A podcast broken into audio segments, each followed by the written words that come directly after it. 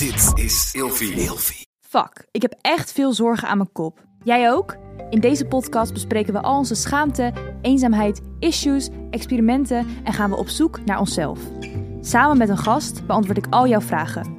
Tof dat je luistert naar Kopzorgen. Janice! Eindelijk. Eh, Ja, eindelijk hè. Wat leuk dat je er bent. Ja, ik vind gezellig. Het, ik vind het echt heel gezellig. Het heb even wat tijd gekost, maar daar zit ze hoor. Ja, de planning is af en toe echt... eh, mensen beseffen soms niet hoe moeilijk het is om afspraken in te plannen voor een podcast. Ja. Ja, En als mensen dan ook nog eens afzeggen. Ja, maar ja, ja ik, volgens mij ben ik de enige van de producer, jij en ik, die nog nooit heeft afgezegd. Dus eh, ik voel me niet op aangesproken. Nee, ik heb een keer afgezegd. Ja, en Ramon ook een keer. Oh. Die was toen ziek. Dus, Oh ja. eh, maar het is oké, we zijn hier en we hebben echt veel te bespreken. Ik zie Blade, jouw hond, onder de tafel kruipen. Die heb ik meegenomen, inderdaad. super gezellig. Lekker je die huiselijke tafel sfeer. liggen, Bleetje? Nee, Meestal doet hij dat wel, maar hij, hij heeft er geen zin in vandaag. misschien komt hij er nog. eh, komt hij nog. hey, maar we hebben dus veel te bespreken. Ehm, eigenlijk eerst, hoe gaat het met je? Ja, goed. Ja, Lekker druk. je bent echt druk hè? Ja, ik vlieg alle kanten op. Ik zie je echt overal, letterlijk overal voorbij komen. Ik loop op Centraal Station en ik zie een poster met jouw gezicht erop. Ja. Van echte meisjes in de jungle. ik moet zeggen, ze hebben meer, ehm, hoe zeg ik dat? Budget tegen de promotie aangestopt dan tegen het programma zelf, heb ik het idee. Nou, je vergis je daarin hoeveel, hoeveel zo'n programma kost hoor. Alle deelnemers die erin zitten, die eh, worden gewoon betaald. Oh, echt? Ja, wat denk je? Denk je dat ik drie weken in dat de, de jungle ga lopen zitten voor wezen voor niks? Maar kan je daar iets over zeggen? nee, niet zo gaan doen, hè? Want in jouw show, Fucked Up Social Life, zeg je altijd van, oké, en hoeveel krijg je dan? En nu ga je zelf zo doen. Eh, nou, ik, ik weet wel dat iedereen wat anders krijgt. Ligt eraan een beetje eh, ja, wat je bereik is en hoe groot je bent. Dus de mensen die net eh, komen kijken, eh, die zitten wel een beetje rond de 5k. En eh, ja, de mensen daarboven, die verdienen meer. Dus krijg jij meer dan Fabiola? Dat weet ik niet. Ik heb niet met iedereen besproken wat iedereen's budget is. Maar toen ik iemand anders een budget hoorde zeggen, toen dacht ik, oh, nou, ik verdien drie keer zoveel. Dus dat is wel Heb je dat toen gezegd of had je het gewoon voor jezelf gehouden? Eh, dat hebben we wel besproken. Daar, daar ga je onderling wel een beetje over kletsen. Maar het is wel vanzelfsprekend als jij eh, nog niet zo groot bent, een kleiner bereik eh, hebt, eh, dat je dan ja, wat minder verdient. En het gaat ook om de onderhandeling hè, vooraf met je management. Als je een goede management hebt, die gaat er gewoon tegenin. Die zegt gewoon, joh, ik moet voor drie weken lang haar werk stilleggen. Nou, dat, dat levert normaal gesproken dit op. Dus dat kan zij niet mislopen. En sommigen gaan natuurlijk gewoon met het eerste budget akkoord. Dus het heeft met zoveel dingen te maken. Ja, ik denk ook dat als ik, als ik eh, in het programma zit met Gabi Blazer, snap ik wel dat zij meer krijgt dan Nou, ik. dat bedoel ik. Ik snap ook wel dat Gabi meer krijgt dan ik. Ja, Ja. daar zou ik echt niet moeilijk over doen. Nee, nee, maar wat.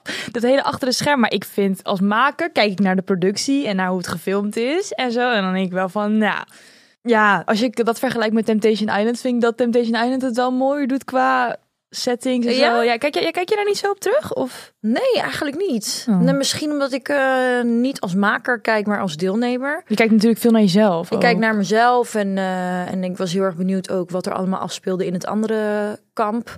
Eh, Oh ja, dat, weet heb je natuurlijk helemaal niet gezien. Nee, dat ja. weet je niet. Dus eigenlijk ben je heel erg aan het, aan het. En dan denk je, oh, gebeurde dat daar? En oh, die zegt dit over mij. En weet je, het gaat helemaal. eh je kijkt er gewoon heel anders naar. Ja, nou, er wordt niet heel slecht over jou gepraat, heb ik het idee. Alleen dat jij op een gegeven moment een beetje bazig was. Volgens mij, wie zei dat? Lena of zo? Dat jij een beetje met, met eh Annabel het hele team... eh, Ja, maar heb jij het gezien? Nou, nee, je, ik vind je vooral heel chill overkomen. Wel gewoon echt van, oké, kom op, doorzetten, niet eh, nu gaan lopen miepen. Ja, maar, ik denk dat ik zelf ook zo zou zijn. Ja, maar ze zei, eh, Diva was het, je- Janice terroriseert het team. Maar dat is natuurlijk hun vooroordeel. Maar zij weten natuurlijk helemaal niet wat er gebeurt in ons Nee. team. En als je heel goed opgelet hebt voor de kijker, eh, terroriseer ik precies helemaal niks. Ik heb meer het idee dat Michella de boel constant terroriseert. Want ik word helemaal scheidsziek van haar gewoon. De hele tijd al die quotes pakken ze ook van haar. Ja, In het programma. Waarom? Het is zo gezellig. Ik spoel het ook altijd door als ze haar aan het woord Nee, joh? Ja, omdat ik het gewoon niet interessant vind. Ik vind het veel interessanter wat, wat de anderen te zeggen hebben. Want zij komt toch al heel veel in beeld. Ik denk dat, dat ze zoiets bij de productie dacht van, oh, zij is al bekend, dus mensen willen haar zien. Maar ik, heb, ik ken haar helemaal niet, dus... Ik ja. weet niet, ze, ze, ze kraamt natuurlijk best wel gekke dingen uit. Dus ik denk ook gewoon voornamelijk omdat zij zorgt voor sensatie. en Omdat ze veel lult en omdat ze inderdaad gewoon een beetje achterlijk is. Vinden mensen dat wel leuk om naar te kijken. Maar de een vindt, is fan van haar en de ander niet. Nou ja, ik kan vooral zien dat het allemaal eigenlijk wat ze zegt vaak uit onzekerheid komt. Zeg maar, zij begint altijd te, hoe zeg je dat, snauwen als, Ratelen. als zij zich niet gezien voelt of, of op die manier Ik heb minder geen voelt. idee waar die vrouw last van hebt. Maar Ja. ja, die ruzie van jullie, die, daar zag ik eh, allemaal voorstukjes van en zo. Is dat Ja. echt zo heftig als dat het eruit zag of valt het wel mee? Ehm, het valt eigenlijk wel mee. De hele commotie online die er achteraf verder op door is gegaan, was groter dan de ruzie zelf in het programma. ja, dat is vaak zo. Maar ehm, ja, ik trek haar gewoon heel slecht. Nou ja, ik denk dat heel veel mensen dat hebben met haar. Ja. Maar dat maakt ook voor goede tv natuurlijk. Want volgens mij trekt iedereen haar niet zo goed. Ja, nee, ik, eh, ik heb echt, echt, ben fel tegen negatieve, zeikende, zeurende, irritante, negatieve mensen. Ja. Eh, dus eh, daar is zij eh, het perfecte voorbeeld van. Ja. En eh, ja, en op een gegeven moment, dat is dan spoiler, ga ik niet zeggen, maar de teams worden ook een beetje eh, verwisseld. Oh, oké, oké. Laten, we, la- laten we het hier voor nu even bij laten. Want, Want eh, jij kijkt. En, Ja, ik wil het allemaal niet weten en we kletsen hier zo meteen nog wel even over door. Maar ehm, we hebben het hier nu over Echt Meisje in de Jungle. is natuurlijk helemaal hype op dit moment. Waarschijnlijk Ja. komt die eh, na hype er ook nog even van. Maar voor de mensen die jou niet kennen, want ik heb echt het idee dat daar een soort van tweedeling in is. Of mensen kennen je echt van alles, of mensen hebben nog nooit je naam gehoord. Ja. Tenminste, in mijn bubbel is dat heel erg het idee. Ja. Waar heb jij het idee dat mensen jou van kennen vooral? Ja, als je geen social media hebt, ken je mij niet. Dat is eh, één ding wat zeker is. Ik kom niet heel veel op tv. De laatste tijd een beetje met echte meisjes in de jungle en mijn vorige partner. Maar voor de rest eigenlijk is mijn, eh, waar ik gezien word, eh, mijn platforms zijn echt wel Instagram en TikTok. Dus mensen die daar niet op zitten, die hebben geen flauw idee wie ik ben. Maar het begon vroeger bij X Factor. En toen ben ik fulltime best wel lang, aantal jaar zangeres geweest. En ehm, vanuit daar is mijn carrière eigenlijk een beetje begonnen. En toen ben ik me gaan verplaatsen naar online. En toen ging ik comedyvideo's maken. Ik maak van die korte sketches eh, met eh, herkenbare situaties. Vanuit mijn theaterachtergrond, wat ik heel mijn leven heb gedaan. En eh, ja, dat groeide gewoon op Instagram en TikTok bleef dat groeien. Op een gegeven moment ben je dan influencer, zoals ze dat noemen. Ja. En sinds kort dus ook richting tv en acteren. Ja, want jij had ook hier een podcast, Fact op Social, hebt er beetje sinds kort mee gestopt. Ja. Heb je daar het gevoel dat je daar ook nog een bepaalde soort ja, bekendheid vanuit hebt gekregen? Of meer dat je al bekend was en daardoor het zo erg goed aansloeg? Of hoe zie ja, ik denk wel voornamelijk het laatste. Maar eh, het was wel echt een, ehm, wel iets positiefs wat mij eh, meer ervaring heeft opgeleverd. Ik heb er daardoor ook weer, weer nieuwe mensen bij leren kennen die in dezelfde soort scene zitten. En eh, ja, ook door de podcast ging ik weer rond op social media. Echt iedereen zag het. Je ontkwam er ook bijna niet aan. Nee, het was echt eh, dat roze glitsdoek zag je inderdaad. Ja. Zelfs wij hadden zelfs een video gemaakt en toen zei mijn dansdocent: "Hey, ik zag jou op de op de TikTok van Janice of zo." En ik was echt van, ik wist niet eens dat ik was gepost. Ja, nee, maar ik denk wel dat het, eh, het, het, het was tot op een zekere hoogte een succes. Wel door mijn bereik natuurlijk al, die ik online eerder daarvoor had gecreëerd. Dat wel. Ja, maar het was natuurlijk wel een heel soort andere boeg dan wat je eerst of wat je nu nog steeds doet, zeg maar die sketches en dat ik zie, ik volg je ook, ik zie heel veel make-up, kleding, een beetje persoonlijke verhalen voorbij komen, maar die podcast was echt totaal Ja. een, een ander concept van eigenlijk dat achter de schermen laten zien bij verschillende influencers. Hoe is het nou echt? En dat vond ik zelf heel interessant, maar wat ik ook de grappig aan vond was dat niemand vroeg echt aan jou van echt van, ben jij nou echt echt, zeg maar, op social media? Je gaf daar zelf af en toe wel een beetje een toelichting aan, maar ik dacht wel van, oké, maar waar- wanneer komt de tijd dat mensen jou vragen gaan stellen van hoe echt jij eigenlijk bent? Ja, nee, ik heb wel eh, van tevoren ook als mijn gast kwam, dan zei ik ook van, eh, het is gewoon een gezellig gesprek. Ik wil me niet opstellen als een interviewer. Dus je mag zeker ook vragen terugstellen. Ja, ik vind het, ik denk dat ik een beetje bedoel, de vraag is wel gesteld, maar ik mis een beetje de diepgang erbij. Snap je wat ik Ja, bedoel? Want het is een heel luchtige show. Nou ja, dat, dat ging bij mijn zus, vond ik dat op zich wel ver gaan. We hebben veel ook besproken met mijn privé, eh, uit, uit mijn privé en inderdaad qua persoonlijkheid. Maar de diepgang, de show gaat niet over mij. Dus ik snap wel dat je dat inderdaad mist. Precies, Ja. ja. Ja. Maar ik vind wel, ik vind wel dat je per persoon eh, jezelf bent. Maar ik zie wel natuurlijk in foto's en op je verhalen gebruik je filters. Dus ik denk dat in dat opzicht En je hebt natuurlijk zelf ook al een keer gezegd van ja, ik gebruik af en toe die Facetune app of dan doe ik even een dingetje. Dus dan denk ik van in dat opzicht, misschien qua persoonlijkheid wel, maar qua beeld vind ik het minder.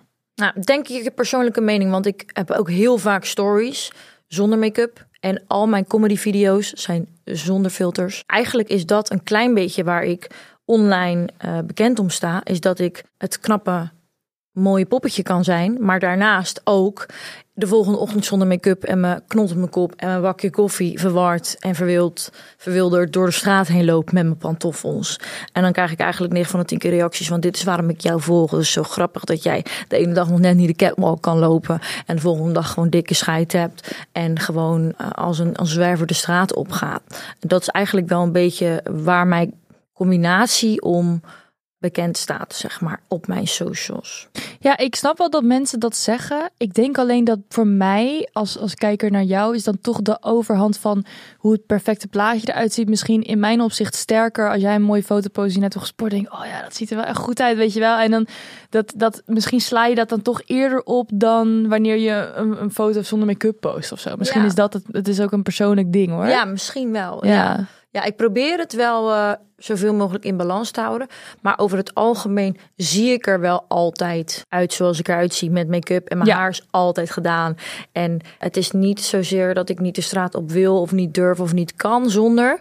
Maar dit is wel wie ik ben. En ik zie er ja, zelfs uh, als ik boodschappen ga doen, uh, ja, dat doe ik af en toe wel eens mijn joggings pakken. Ja, maar op zich ga ik wel altijd fresh en uh, helemaal gesteld de deur uit. Ja, altijd als ik je zie, dan zie je er ook wel goed uit. ja, hey, maar ik wil een beetje zelf dat kijk, dat kijkje achter de schermen nemen. Want dat hebben we in kopzorgen eigenlijk nooit echt gedaan. Ik heb het vaak met psychologen en, en mensen die boeken over social media hebben geschreven. Hoe kut het allemaal is. En influencer, hoe net het allemaal is. En hoe onzeker je ervan wordt. Maar ik heb eigenlijk nooit ben ik ook een beetje proberen van weg te kijken. Echt iemand die er echt in zit als werk en wel ook positieve kanten ervan ziet. Gevraagd van, hoe zie jij dat nou? Is het, is het echt zo, ja, hoe zeg je dat? Zo, zo kut als we het er echt over hebben? Of heb jij zoiets van, nou, ik ben er helemaal niet onzeker van. Juist omdat ik in die wereld zit, heb ik zoiets van, het valt wel mee. Of heb je daar ook zelf last van? Ja, het is eigenlijk zo kut als dat je het zelf maakt, zeg ik altijd. Je kunt jezelf omringen met bepaalde platforms, onderwerpen, beelden, mensen die jou zo laten voelen.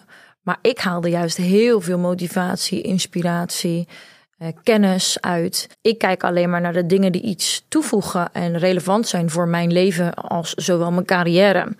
En als jij continu iets in beeld krijgt wat, waar je je eigenlijk slechter door gaat voelen, wat, wat dat dan ook is, weet ik veel, een van de fit girl, waardoor jij denkt ik ben dik en ik voel me niet meer fijn in mijn eigen lijf, dan moet jij dat platform niet meer volgen.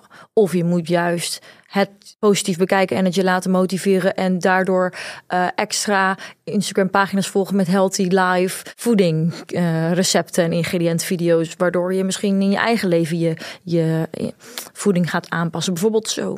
Dus jij hebt nooit dat je naar een fitgirl kijkt en denkt van ja, maar mij motiveert het. Dus ik word er niet ja, heb je niet eerst even die, eerst die angst en daarna die motivatie? Of is het een soort van een dat je denkt van oké, ik, ik, stop dat onzeker gevoel weg en ik ga eerst ga gelijk voor wat kan ik eraan doen? Of nou, ik denk de onzekerheid. Uh, misschien gaat het gepaard, maar het is misschien een fractie van een seconde dat ik meer. Het is meer jalo jaloezie, denk ik. Dat ik denk, oh, dat wil ik ook. Zo, zij is echt gespierd of wat. Dat is dat is iets wat ik ook zou willen. Ik denk zeg maar zo. En vanuit daar denk ik, ja, ik ga gelijk morgen weer naar de gym. Dus ja, het is toch zo kut als dat je het zelf maakt. Maar zit daar een strategie achter eigenlijk? Want ik denk dat sommige mensen ook. Nou ja, dat is sommige mensen denken misschien, oh ja, oordeel, want social media, foto, bla bla bla. Maar ik heb het gevoel dat er bij jou altijd wel, dat er wel echt over nagedacht is of zo. Van hoe je je content maakt en hoe je het neerzet. En wat ik me afvraag af en toe is van, doen mensen het echt voor de leuk? Of zit er eigenlijk een soort van strategie achter van, ik wil eigenlijk daarheen. Dus dit is mijn manier om ergens te komen waar ik wil zijn, zeg maar. Ik denk dat dat een beetje verschilt per persoon. Ik film echt mijn leven. Dus elke dag heb ik gewoon een planning staan van wat ik moet doen die dag en dat film ik. Ja, maar ik weet dat jij heel ambitieus bent. Ja. Dus dit, dit is, er is wel meer wat jij wil dan wat je nu doet, toch? Of... Ja, zeker. Ik ben al lang niet klaar. Nee, precies. En je wil, want ik weet ook dat je acteerschool hebt ja. gedaan, doet. Ben ik nu klaar mee, ja. Maar daar wil je, ja, want je speelt ook in de Tata's, denk van daar wil je dan toch ook iets meer mee. Is dan je social media een soort van tool om daar te komen? Um, dat was het in eerste instantie niet. Het is gewoon echt ontstaan omdat ik het leuk vond om die comedyvideo's te maken. Maar op een gegeven moment groei je een beetje in die rol en krijg je steeds meer volgers. En, uh, en krijg je vanuit dat platform krijg je inderdaad opdrachten. En uh, nu is het eigenlijk gewoon een deel van mijn werk, maar ook een deel van mijn leven. En inderdaad ook realiseer ik me wel dat hoe groter je online wordt, hoe meer kansen en nieuwe deuren er voor je open gaan. Dus ja, uh, het, het is denk ik een combinatie van alles. Maar overal wordt over nagedacht. En nou gaat het mij heel makkelijk af, omdat ik het al heel veel jaar doe. En ik, ik, sta er niet zo, zo erg bij stil. Maar overal zit een strategie achter, ja. En Denk je dat mensen dat ook snappen? Dat er meer werk in zit? Of, want er is een soort van twee staat van... oh, mensen die op social media zitten zijn heel lui, die doen niks, die filmen zichzelf alleen maar. Of, of ik denk dat dat een beetje de oude stempel is van toen het een Valt beetje... wel mee hoor. Nee, echt veel mensen hebben het nog. Ik zie het vooral ja, op, op social media heel veel voorbij komen. Op uh, TikToks die wij hier ook maken. Als het erover gaat, is het wel van ja, maar jullie doen niks en, en jullie zitten de hele dag op de bank en maken één reclamespotje of een foto en dan verdien je daar 5k mee, zeg maar. Hmm. Misschien in mijn omgeving niet, omdat je op mijn socials echt bijna um, shortfilms kunt bekijken. En als je niet begrijpt dat daar een script en een verhaal en een bedenking achter zit, ben je achterlijk. Ja, vind jij dat je heel hard werkt voor je geld? Ja, ik ben 24-7 aan het werk. Het is alleen een ander soort werk. De meeste mensen gaan van 9 tot 5 naar hun werk en zijn vanuit daar vrij. Ik ben niet vrij, nooit niet. Is alleen voor mij gaat het me makkelijk af, omdat ik er al zo lang in zit en omdat ik het heel erg leuk vind. Maar het is en blijft werk. En dat is waar de meeste mensen zich in vergissen. En wat zeg je dan tegen mensen die daar dan een vooroordeel over hebben? Moet je lekker zelf weten. Ja, denk je dan gewoon, fuck ja, ja, ik verdien gewoon lekker een centje. ik verdien vijf keer meer dan jou. Dus wat jij ervan vindt, dat boeit me echt werkelijk maar gereed. Het is alleen meer, uh, het zit in mij. Mm. De, de, de, manier waarop ik me presenteer, de, de enthousiasme elke dag. Dat is waar ik, wat ik leuk vind, dat is waar ik voor leef. Dus het gaat me super makkelijk af. Maar vanaf dat ik in de ochtend opsta, totdat ik ga slapen is die telefoon aan mijn hand geplakt en ben ik aan het bedenken welke story ik die dag moet plaatsen, bij welke meeting ik moet zijn, wat de volgende video moet zijn die ik moet gaan opnemen en moet gaan plaatsen. Ik ben heel de dag door mijn DM's aan het beantwoorden. Ik hou heel de dag door de cijfers van mijn socials in de gaten. Ik ben continu met allemaal mensen online aan het praten. En heel veel mensen en bedrijven die wat kleiner zijn en weten dat social media een fucking belangrijke marketing tool is, die zeggen uiteindelijk: het is te veel werk. Probeer jij maar eens twee stories per dag te plaatsen. Ga maar eens proberen. Kijken wat je ervan vindt. Mij lukt het omdat ik het gewoon eigenlijk vanuit nature zo heb opgebouwd en daarin ben gegroeid. Maar ik heb ook een heel lang, ik heb ook vijf jaar lang een, eh, bij een social media bureau gewerkt als eigenlijk bijna directrice. En heb ik uh, social media voor mensen beheerd. Dus mensen konden een social media abonnement bij ons afnemen. En dan konden ze kiezen uit twee of drie posts. En waarom deden ze dat? Omdat het zoveel tijd is. Het ja, is heel tijd erover. Het kost heel veel tijd, het kost heel veel moeite, het kost heel veel creativiteit. Ja. Mensen vragen ook af en toe, maar ik studeer natuurlijk media van, hey, uh, vragen ze via via, kan ik ja Michelle niet even voor een, voor een campagne, kan ze niet even bij ons uh, wat fixen? Ik denk echt van, weet je hoeveel tijd erin zit? En dan voor wat, wat ze er tegenaan van geld, denk ik echt van, dit is echt niet veel. Dus ja. Wat denk je nou, dat ik voor 11 euro per uur bij jou een social media campagne ga opzetten? Ja. Ja, dag, nee. Maar ben jij niet bang dat het niet tijdloos is wat je doet? Ja, Want dat je, wel. Je bent, je bent je eigen brand, je hebt een leuke kopie. Op een gegeven moment word je ook ouder. Ik heb laatst een boek van um, voorbij zien komen van, um, wat was het ook alweer? Wie ben je als niemand meer kijkt? Vrouwen van 40 waar dan niet meer naar gekeken wordt. Omdat we natuurlijk nu in die prime zijn. En op een gegeven moment een heel concept hoor. Is ook een beetje zwart-wit. Maar dat je denkt, ja, ik ben mijn eigen brand. Maar tot hoeverre kan ik dat dan uitrekken of uitmelken? Of hoe je het ook mocht noemen. Ja, daar denk ik heel veel over na. En natuurlijk beangst, beangstigt dat je wel. Ik ben nu gewoon ook bezig met het bedenken van een, van een plan B. Weet je, ik wil gewoon een passief inkomen creëren. Ik heb eerst gewoon gekeken naar het lanceren van misschien een make-up lijn. Maar dat doen zoveel mensen. Toen heb ik gedacht aan leuke geurdingetjes voor in huis. Uh, maar ik heb tot nu toe nog niet echt iets gevonden wat echt vanuit mijn, mijn hart komt. En dat is wel heel erg belangrijk als je iets ernaast wil doen. Omdat wat ik nu al doe zo tijdrovend is. Um, en ik besef me heel goed, dit is niet voor altijd. Weet je, eerst was het Hives, toen was het Facebook, toen was het YouTube. Nu is het Instagram, nu is het TikTok. En ik werk bij TikTok eigenlijk al dat ik een beetje te oud ervoor word. Ik ben nu 31 en je moet daar van die lip sync liedjes zingen en dansjes doen. Nou, ik ga erin mee. Ja, ik vind ik wel kan dat je het het goed doet. Ja, Ja. ik kan het. Ja. Maar ik denk wel soms, wat sta ik nou een beetje te doen hier eigenlijk? Ik wil gewoon creatieve dingen maken. En Ja. TikTok is bijvoorbeeld een vervolgplatform, de, nu de grootste weer. Waarbij je eigenlijk trends moet volgen. Het is een app die jou aanstuurt wat jij moet doen. En je moet hun liedjes pakken. En je moet hun hashtags gebruiken. En hun filters. En uh, dat vind ik grappig en leuk tot op een zekere hoogte. Want je kan er wel je eigen creatieve invulling aan geven. Maar ik wil niet doen wat andere mensen doen. Ja, en het verdienmodel is toch best wel bagger bij TikTok op dit moment? Ja, ook. Ja, Ja. je kan er wel veel verdienen, maar eh, ja, het is een beetje gemengd. Want je, je kan wel heel snel groeien, maar er, er zijn nog, er zitten niet zoveel, heel veel, nog niet zoveel adverteerders op eigenlijk. Omdat het een nieuw platform is. Of nou ja, Instagram eh, staat als influencer zijn er nu natuurlijk wat bekender bij de bedrijven, zeg maar. Hey, over TikTok en Instagram gesproken. Ik heb jou een beetje gestalkt. Lekker deep dive gedaan. Ehm, ik volg je sowieso, maar ik, altijd, dat, heb jij ook, dat doe je ook altijd. Voordat je iemand gaat interviewen, ga je eh, alles langs. Ehm, en ik zat even te zoeken naar, inderdaad, eh, ik zie natuurlijk heel veel positiefs, heel moois. Maar ik zie ook veel comments voorbij komen over, veel over je uiterlijk. En eh, nog steeds veel over wat je aan jezelf allemaal hebt gedaan en zo. Dat is natuurlijk al een bekend verhaal. Het, oordeel is nogal groot. Ik hoor in je podcast vaak zeggen dat je daar nu wel dat een beetje een plekje hebt kunnen geven, omdat je het al best wel vaak naar je hoofd hebt gekregen. Is dat nog steeds zo? Of denk je af en toe nog steeds van, laat me gewoon met rust? Eh, het is nog steeds zo. Ik heb eigenlijk nooit moeite ermee gehad. Dat mensen dat zeiden. Ehm, dus een plekje kunnen geven. Heb ik eigenlijk al meteen kunnen doen bij de allereerste opmerking die ik ooit in mijn leven heb gekregen. En dat, en dat komt eigenlijk gewoon omdat ik zelf eh, ja, eigenlijk heel blij ben met, eh, met hoe ik eruit zie. Ik zeg het ook altijd tegen andere mensen. Als iemand, weet ik veel, iets tegen jou zegt wat je, waar die persoon anders over denkt dan jij. Jij hebt dat blouseje aangetrokken vanmorgen omdat je dacht, fucking vet, dit ga ik aandoen, toch? Dus als iemand anders dan tegen je zegt, oh, dat blouseje is echt niet mooi.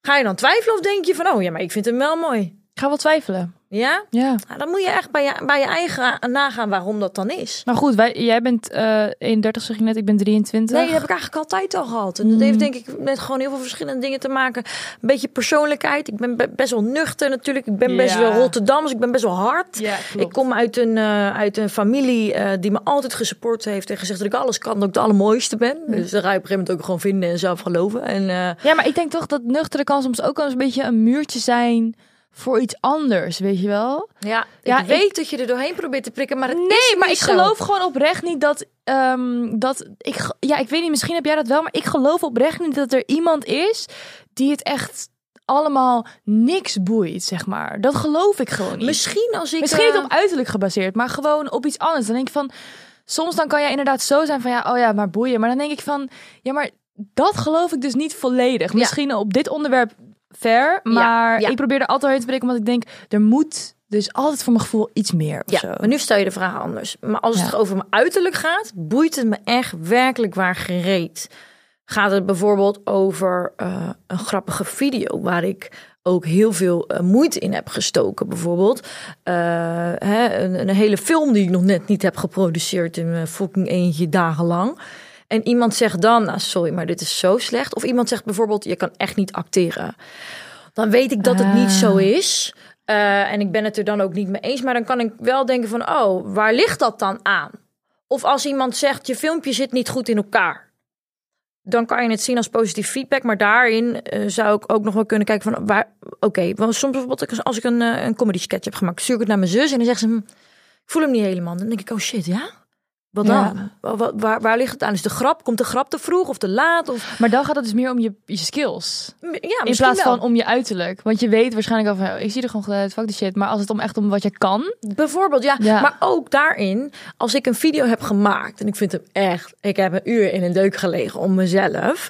En iemand zegt dan online, sorry, maar je bent echt niet grappig. Dan denk ik, ja, ik vind hem toch wel erg heel grappig. ja. Maar als je zelf al zoiets had van, hmm, en dan, dan ja, is het ook weer dus het is vaak op het moment dat jij zelf al ergens onzeker over bent en iemand zegt daar dan iets op. Bijvoorbeeld, eh, ik was vorig jaar 17 kilo zwaarder. Eh, ik zat toen niet zo 17 lekker. kilo? 17 fucking kilo. Toen ik jou net leerde kennen.